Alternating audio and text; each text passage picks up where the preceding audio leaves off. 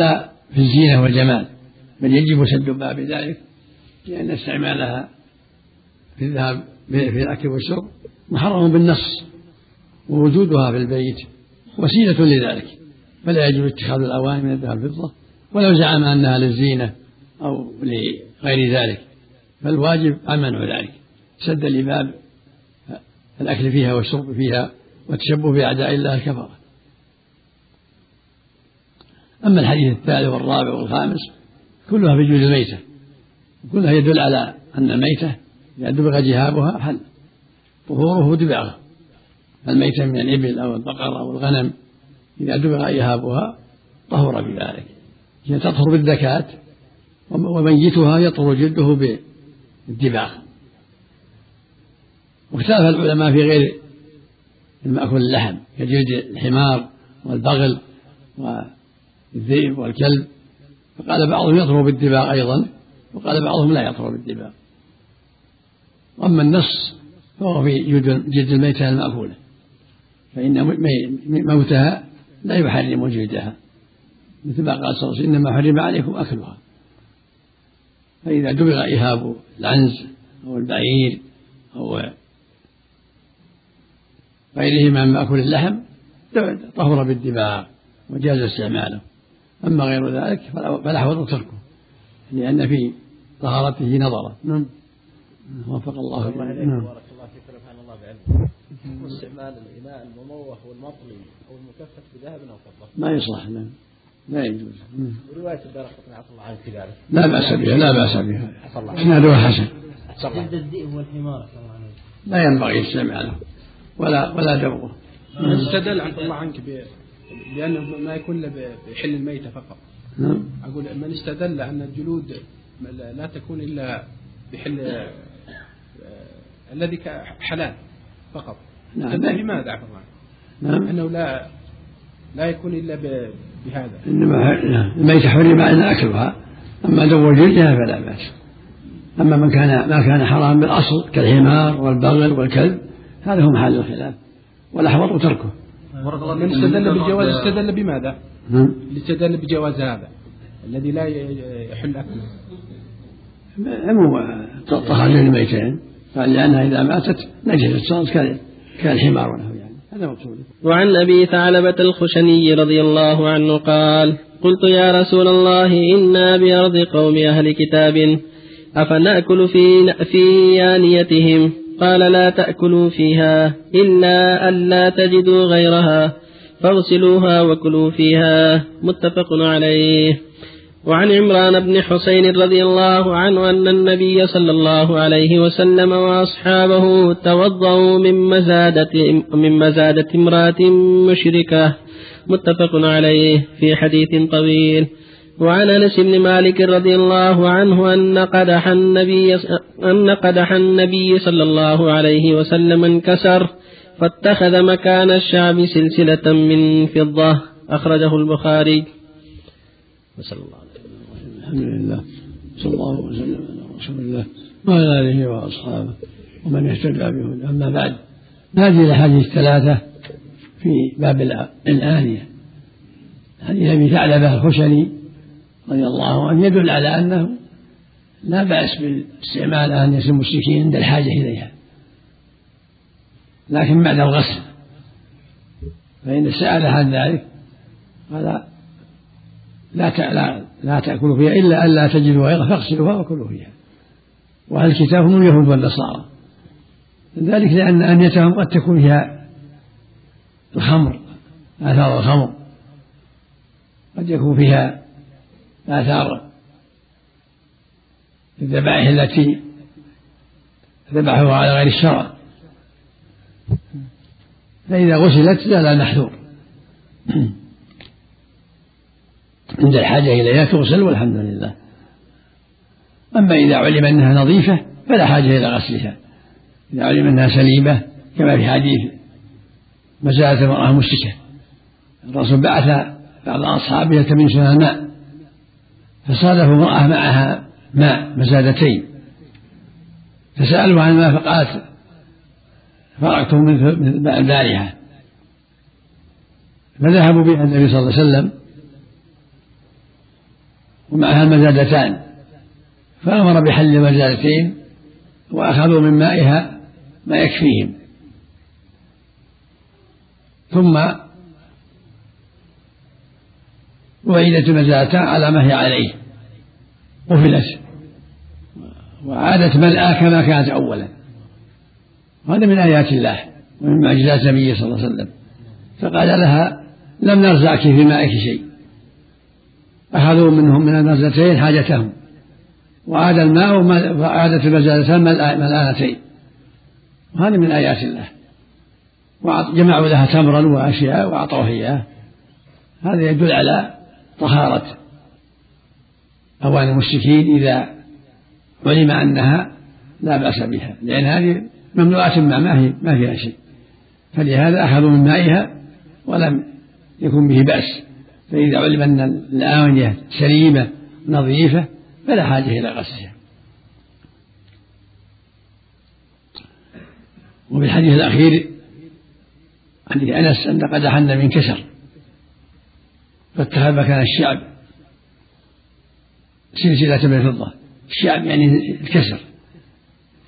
سلسلة من فضة هذا يدل على جواز الترضيب بالشيء القليل من الفضة. عند الحاجة إلى ذلك. ولا يكون من ولا يكون داخل في النهي عن استعمال أواني الذهب والفضة. لأن هذه حاجة بسيطة. فإذا دعت الحاجة إلى تضريب الشعب بشيء قليل من الفضة فلا بأس لحد أن ساده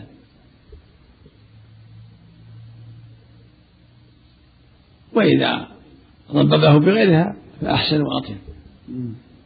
المقصود أن كونه يضبب الشعب بقدح بسلسلة من فضة لا حرج في ذلك. لفعل النبي صلى الله عليه وسلم. وفق الله الجميع سلسلة بالكسر أو بالفتح؟ سلسلة أو سلسلة؟ سلسلة. كسر؟ نعم. نعم. حكم لباس سلسلة من فضة للطفل الصغير إيش؟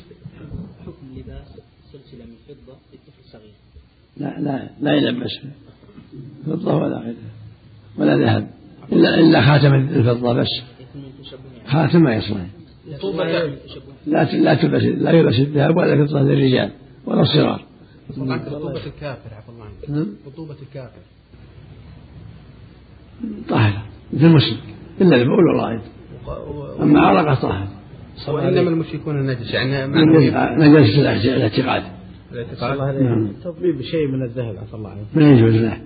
إنما هذا فضة خاصة. أحسن الله عليك النهي في حديث أبي ثعلبة. للتحريم والكراهة إيش؟ النهي في حديث ثعلبة أصل النهي التحريم. الأصل في النهي التحريم هذا بعض المسلمين في مقيمين في بلاد الكفار يسألون عن مكافأة حكومية للناس اللي ما عندهم الشغل. الدولة تعطيهم مكافأة تقريبا يعني 2000 ريال كذا شهريا. فيسألون ما نعم لا بأس ما في بأس نعم. نعم. الحمد لله. نعم. يشترطون الحكومة أن يكون مقيم في البلاد نعم فعباد الناس يخرجون من البلاد ويأخذون هذه المكافأة. لا. يأخذها بالشرط. لا يجوز إلا بالشرط. هم يشترطون أن يكون مقيم لا بد يكون بشرطهم. هذا هذا هذا سؤال غير يا شيخ؟ هذا بعض الإخوات يسألون عن يقولون أبيهم يعني يجبر عليهم أن إزالة الحجاب وحتى العمل يعني. يجبروا أن يذهبون إلى العمل بدون حجاب. فهذول الإخوات يقولون أن عندهم إمكانية لا يجوز لهم طاعة لا لا يطيعون نعم. إنما الطاعة في المعروف. نعم بس لا طاعة المخلوق بس الخالق. الله يكرم لا بد من التستر نعم ويسألون عن الزواج يا شيخ. لأن أبيهم يمنعون الزواج يعني. يرفعون الأمر محكمة إذا كانوا بلاد المسلمين يرفعون الأمر في بلاد كافرة يا شيخ.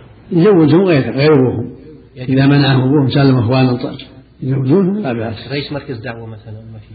هم هم مسلمات؟ اي نعم. يسد يسد مكتوب الله عفى الله عنك نهي الرسول لا تأكلوا فيها. نهي قول الرسول صلى الله عليه وسلم في حديث أبي ثعلب الخشني لا تأكلوا فيها. إلا ألا تجدوا غيرها فكلوا فيها. اغسلوها وكلوا فيها. ونهيه هنا يحمل على يعني النهي أصل التحريم. هذا الأصل من قال الكراهة عليه الدليل. أحسن الله يرحمه في بعض الدعاة من الله عز وجل يقول لكم 1500 ريال صدقة من مال.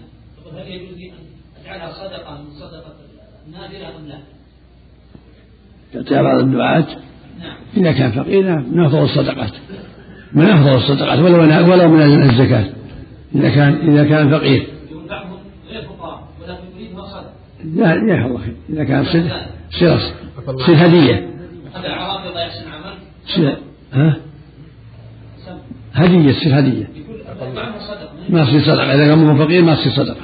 عفى الله عنك الضابط في آه، تعبيد الأسماء مثل كريم والحق. الضابط في التعبيد عفى الله. عنك إذا كان اسم من أسماء الله سمى يعبد. عبد الكريم وعبد الرحيم وعبد القدير وعبد السميع. والكريم عفى الله. عنك والكريم من أسماء الله. المضافة لابد من التعبيد. ها؟ الكريم. لابد من التعبيد ما يسمى بكريم. لابد عبد الكريم. الكريم نعم. ما قال عبد الكريم لا. والاسماء المضافة كريم نكرة. الله والاسماء المضافة والله نعم نور الله حبيب الله نعم نور الله حبيب الله ترك هذا أحوط مش يديه نور الله ما مش يحبب الله ما يصير سمي هكذا ترك أحسن ترك أحسن والاسماء المضافة عفى الله عنك. أحسن الله إليك.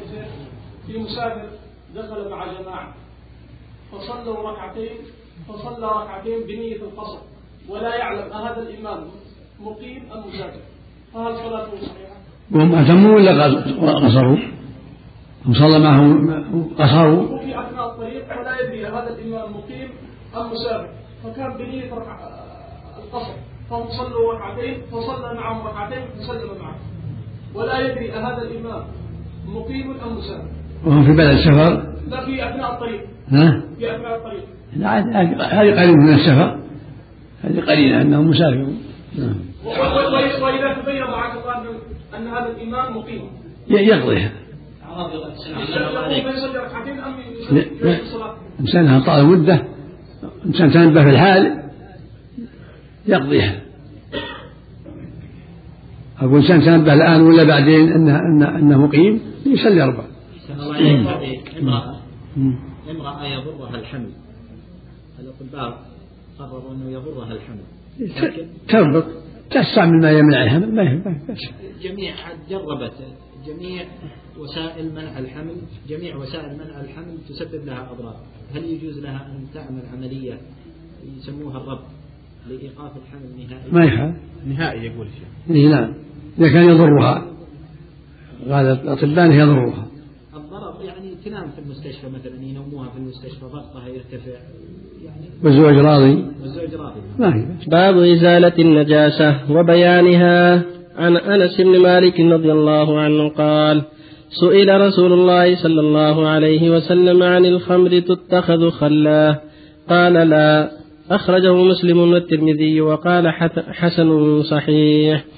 وعنه رضي الله عنه قال لما كان يوم خيبر أمر رسول الله صلى الله عليه وسلم أبا طلحة فناداه إن الله ورسوله ينهيانكم.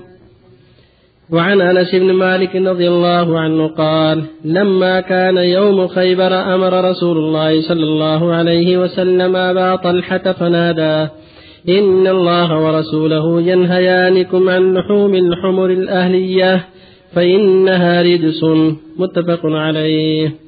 وعن عمرو بن خارجة رضي الله عنه قال خطبنا النبي صلى الله عليه وسلم بمناه وهو على راحلته ولعابها يسيل على كتفيه. أخرجه أحمد والترمذي وصححه. وعن عائشة رضي الله عنها قالت كان رسول الله صلى الله عليه وسلم يغسل المني ثم يخرج إلى الصلاة في ذلك الثوب وأنا أنظر إلى أثر الغسل. متفق عليه. ولمسلم لقد كنت أفركه من ثوب رسول الله صلى الله عليه وسلم فركا فيصلي فيه. وفي لفظ وفي لفظ الله لقد كنت أحكه يابسا بظفري من ثوبه. الحمد لله صلى الله وسلم على رسول الله وعلى آله وأصحابه ومن اهتدى أما بعد هذا الباب في إزالة النجاسة مع بيانها. دلت الأدلة الشرعية على أن النجاسات يجب أن تزال سواء في البقعة التي يصلي فيها الناس أو في الثوب أو في البدن. قال تعالى وثيابك فطهر. فالنجاسة تزال والنبي لما لما بال الأعرابي أمره يصب على بوله سجل من ماء. وأمر المستحاضات أن يغسلن ما أصابهن من الدماء. فالمقصود أن النجاسة تزال. سواء كانت النجاسة بولا أو دما أو غير ذلك. ومن ذلك الخمر فإنها نجسة عند أكثر أهل العلم. وقد قال صلى الله عليه وسلم لما سئل عنها تتخذ خلا قال لا لا تغير يجب إراقتها. إذا اشتد النبيذ أو غيره وجبت إراقته. ولا يتخذ خلا. والمعنى أنها نجسة باشتدادها صارت نجسة يجب أن تراق. أما الخل هو طاهر. إذا اشتد أما إذا اشتد فصار يسكر صار حراما ونجسا. وهكذا الحمر الأهلية المعروفة التي بين الناس الآن. دمها وبولها وروثها نجس ولحومها لو ذبحت نجسة. أما أبدانها وقت الاستعمال فالصحيح أنها طاهرة ترد علينا كالهرة إنها من الطوافين عليكم فالحمر تستعمل والبغال. فأبدانها طاهرة وشربها من الماء لا ينجسه فريقها طاهر وأبدانها طاهرة. ولهذا كان يركب النبي صلى الله عليه وسلم الحمار عاريا من دون شيء. ليس على ظهره شيء يقي. والحمار يعرق فدل على طهارته. فالحمر والأهلية والحمر الأهلية الصواب أنها طاهرة. والبلاغ والبغال طاهرة في الحياة. لكن لو ماتت أو بالت أو ذبحت فإن لحومها وأبوالها نجسة. ولهذا أمر النبي صلى ينادي منادي يوم خيبر الحمر الآلية إنها نجسة لما ذبحوها وغلت بها القدور. مثل الحرة نجسة لو ذبحت أو بالت أو خرج منها ضائط كله نجس. لكن إذا شربت من ماء أو علقت في ثوب لم ينجس كالحمار والبقر. لأنهما لأنها من الطوافين علينا. والحديث الثالث حديث عمرو بن خارجة. أنه النبي خطب يوم يوم منى على راحلته. حين رمى الجمرة. وهكذا خطب. حين خطب خطبه في عرفات على راحلته. ولعابها يسير على كتفه. دل على أن لعاب الناقة طاهر. فالإبل لعابها طاهر وبولها طاهر.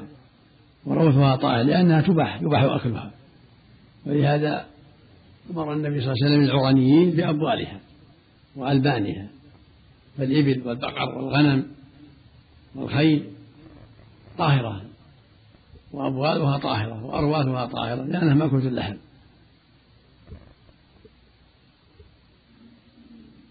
بحديث عائشة الدلالة على أن المني طاهر وأن النبي كان يغسله وربما فركه. دل على أن المني طاهر لأن أصل الإنسان هو النطفة. هو طاهر لأن الرسول قال ربما غسله وربما فركته عائشة من ثوبه. فدل على أنه طاهر وفق الله جميعا. الله عليك بارك الله فيك على الله بعلمك الخمر إذا تحللت بنفسها تخللت بنفسها عفى الله عنك. لا بأس. تباح عفى الله عنك. نعم إذا تخلت عادت حلا. نعم. تكون طاهرة. نعم. تكون طاهرة عفى الله عنك. نعم. بارك الله فيكم. بالنسبة للأواني الخشبية والفخارية هل تتلف إذا كان إذا وقع فيها الخمر تتلف أم لا توسع نعم.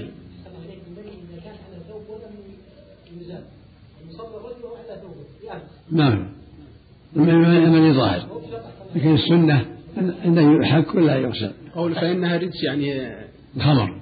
فإنها رجس. نجس. نجس. عندي رجس فإنها رجس عندي. في نسختي إيه، نعم.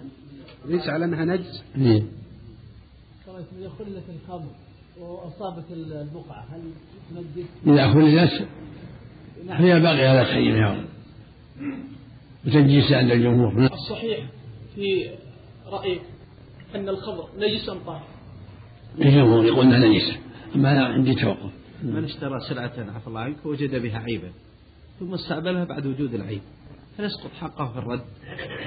محل نظر أقرب الله اعلم يسقط لأن ظاهر الاستعمال لا هنا. رضا بها إن شاء الله يشترط في مغفرة الذنوب الشرطان؟ لابد أن يكون متلازمان. اجتناب اجتناب الكبائر وعدم الإصرار على الصغائر نعم. أم على اجتناب الكبائر فقط؟ ظاهر القرآن الأمران. الأمران؟ نعم. ولم يصروا أن تجتنبوا. طيب إلا اللمم حفظك الله. مم. قول إلا اللمم. الله أعلم. الله عملت الخمر عند الجمهور أحسن الله عملت وعند بعض أهل العلم. عند الجمهور نعم. نجس عند الأكثر أحسن الله عليك. الكافر هل يجوز أن يلقى بالقرآن؟ نعم. الكافر إذا كان مريض هل يجوز أن يلقى بالقرآن؟ ما أعلم. هو ما أعلم. إذا كان مستعمل أو في مصلحة كفاية عفى الله ما أعلم. عنك أو ما أعلم. ما عفى الله عنك. التكبير قبل الإمام ما يجوز ولا يجوز. ما يجوز ولا يجوز. طيب ما ورد عن النبي دخل في صلاة الفجر فكبر ثم أومأ إليه. أقول ما, ما أخرجها أبو داود عفى الله عنك. قال ابن حجر هنا لما رواه أبو داود بن حبان عن أبي بكرة رضي الله عنه النبي صلى الله عليه وسلم دخل في صلاة الفجر فكبر ثم أومأ إليه ولمالك من طريق عطاء بن يسار مسلنا أن النبي صلى الله عليه وسلم كبر في صلاة من الصلاة ثم أشار بيد بيده. أن ما هي بأس. الإشارة لا بأس بها. ثم بقي عفى الله عنك.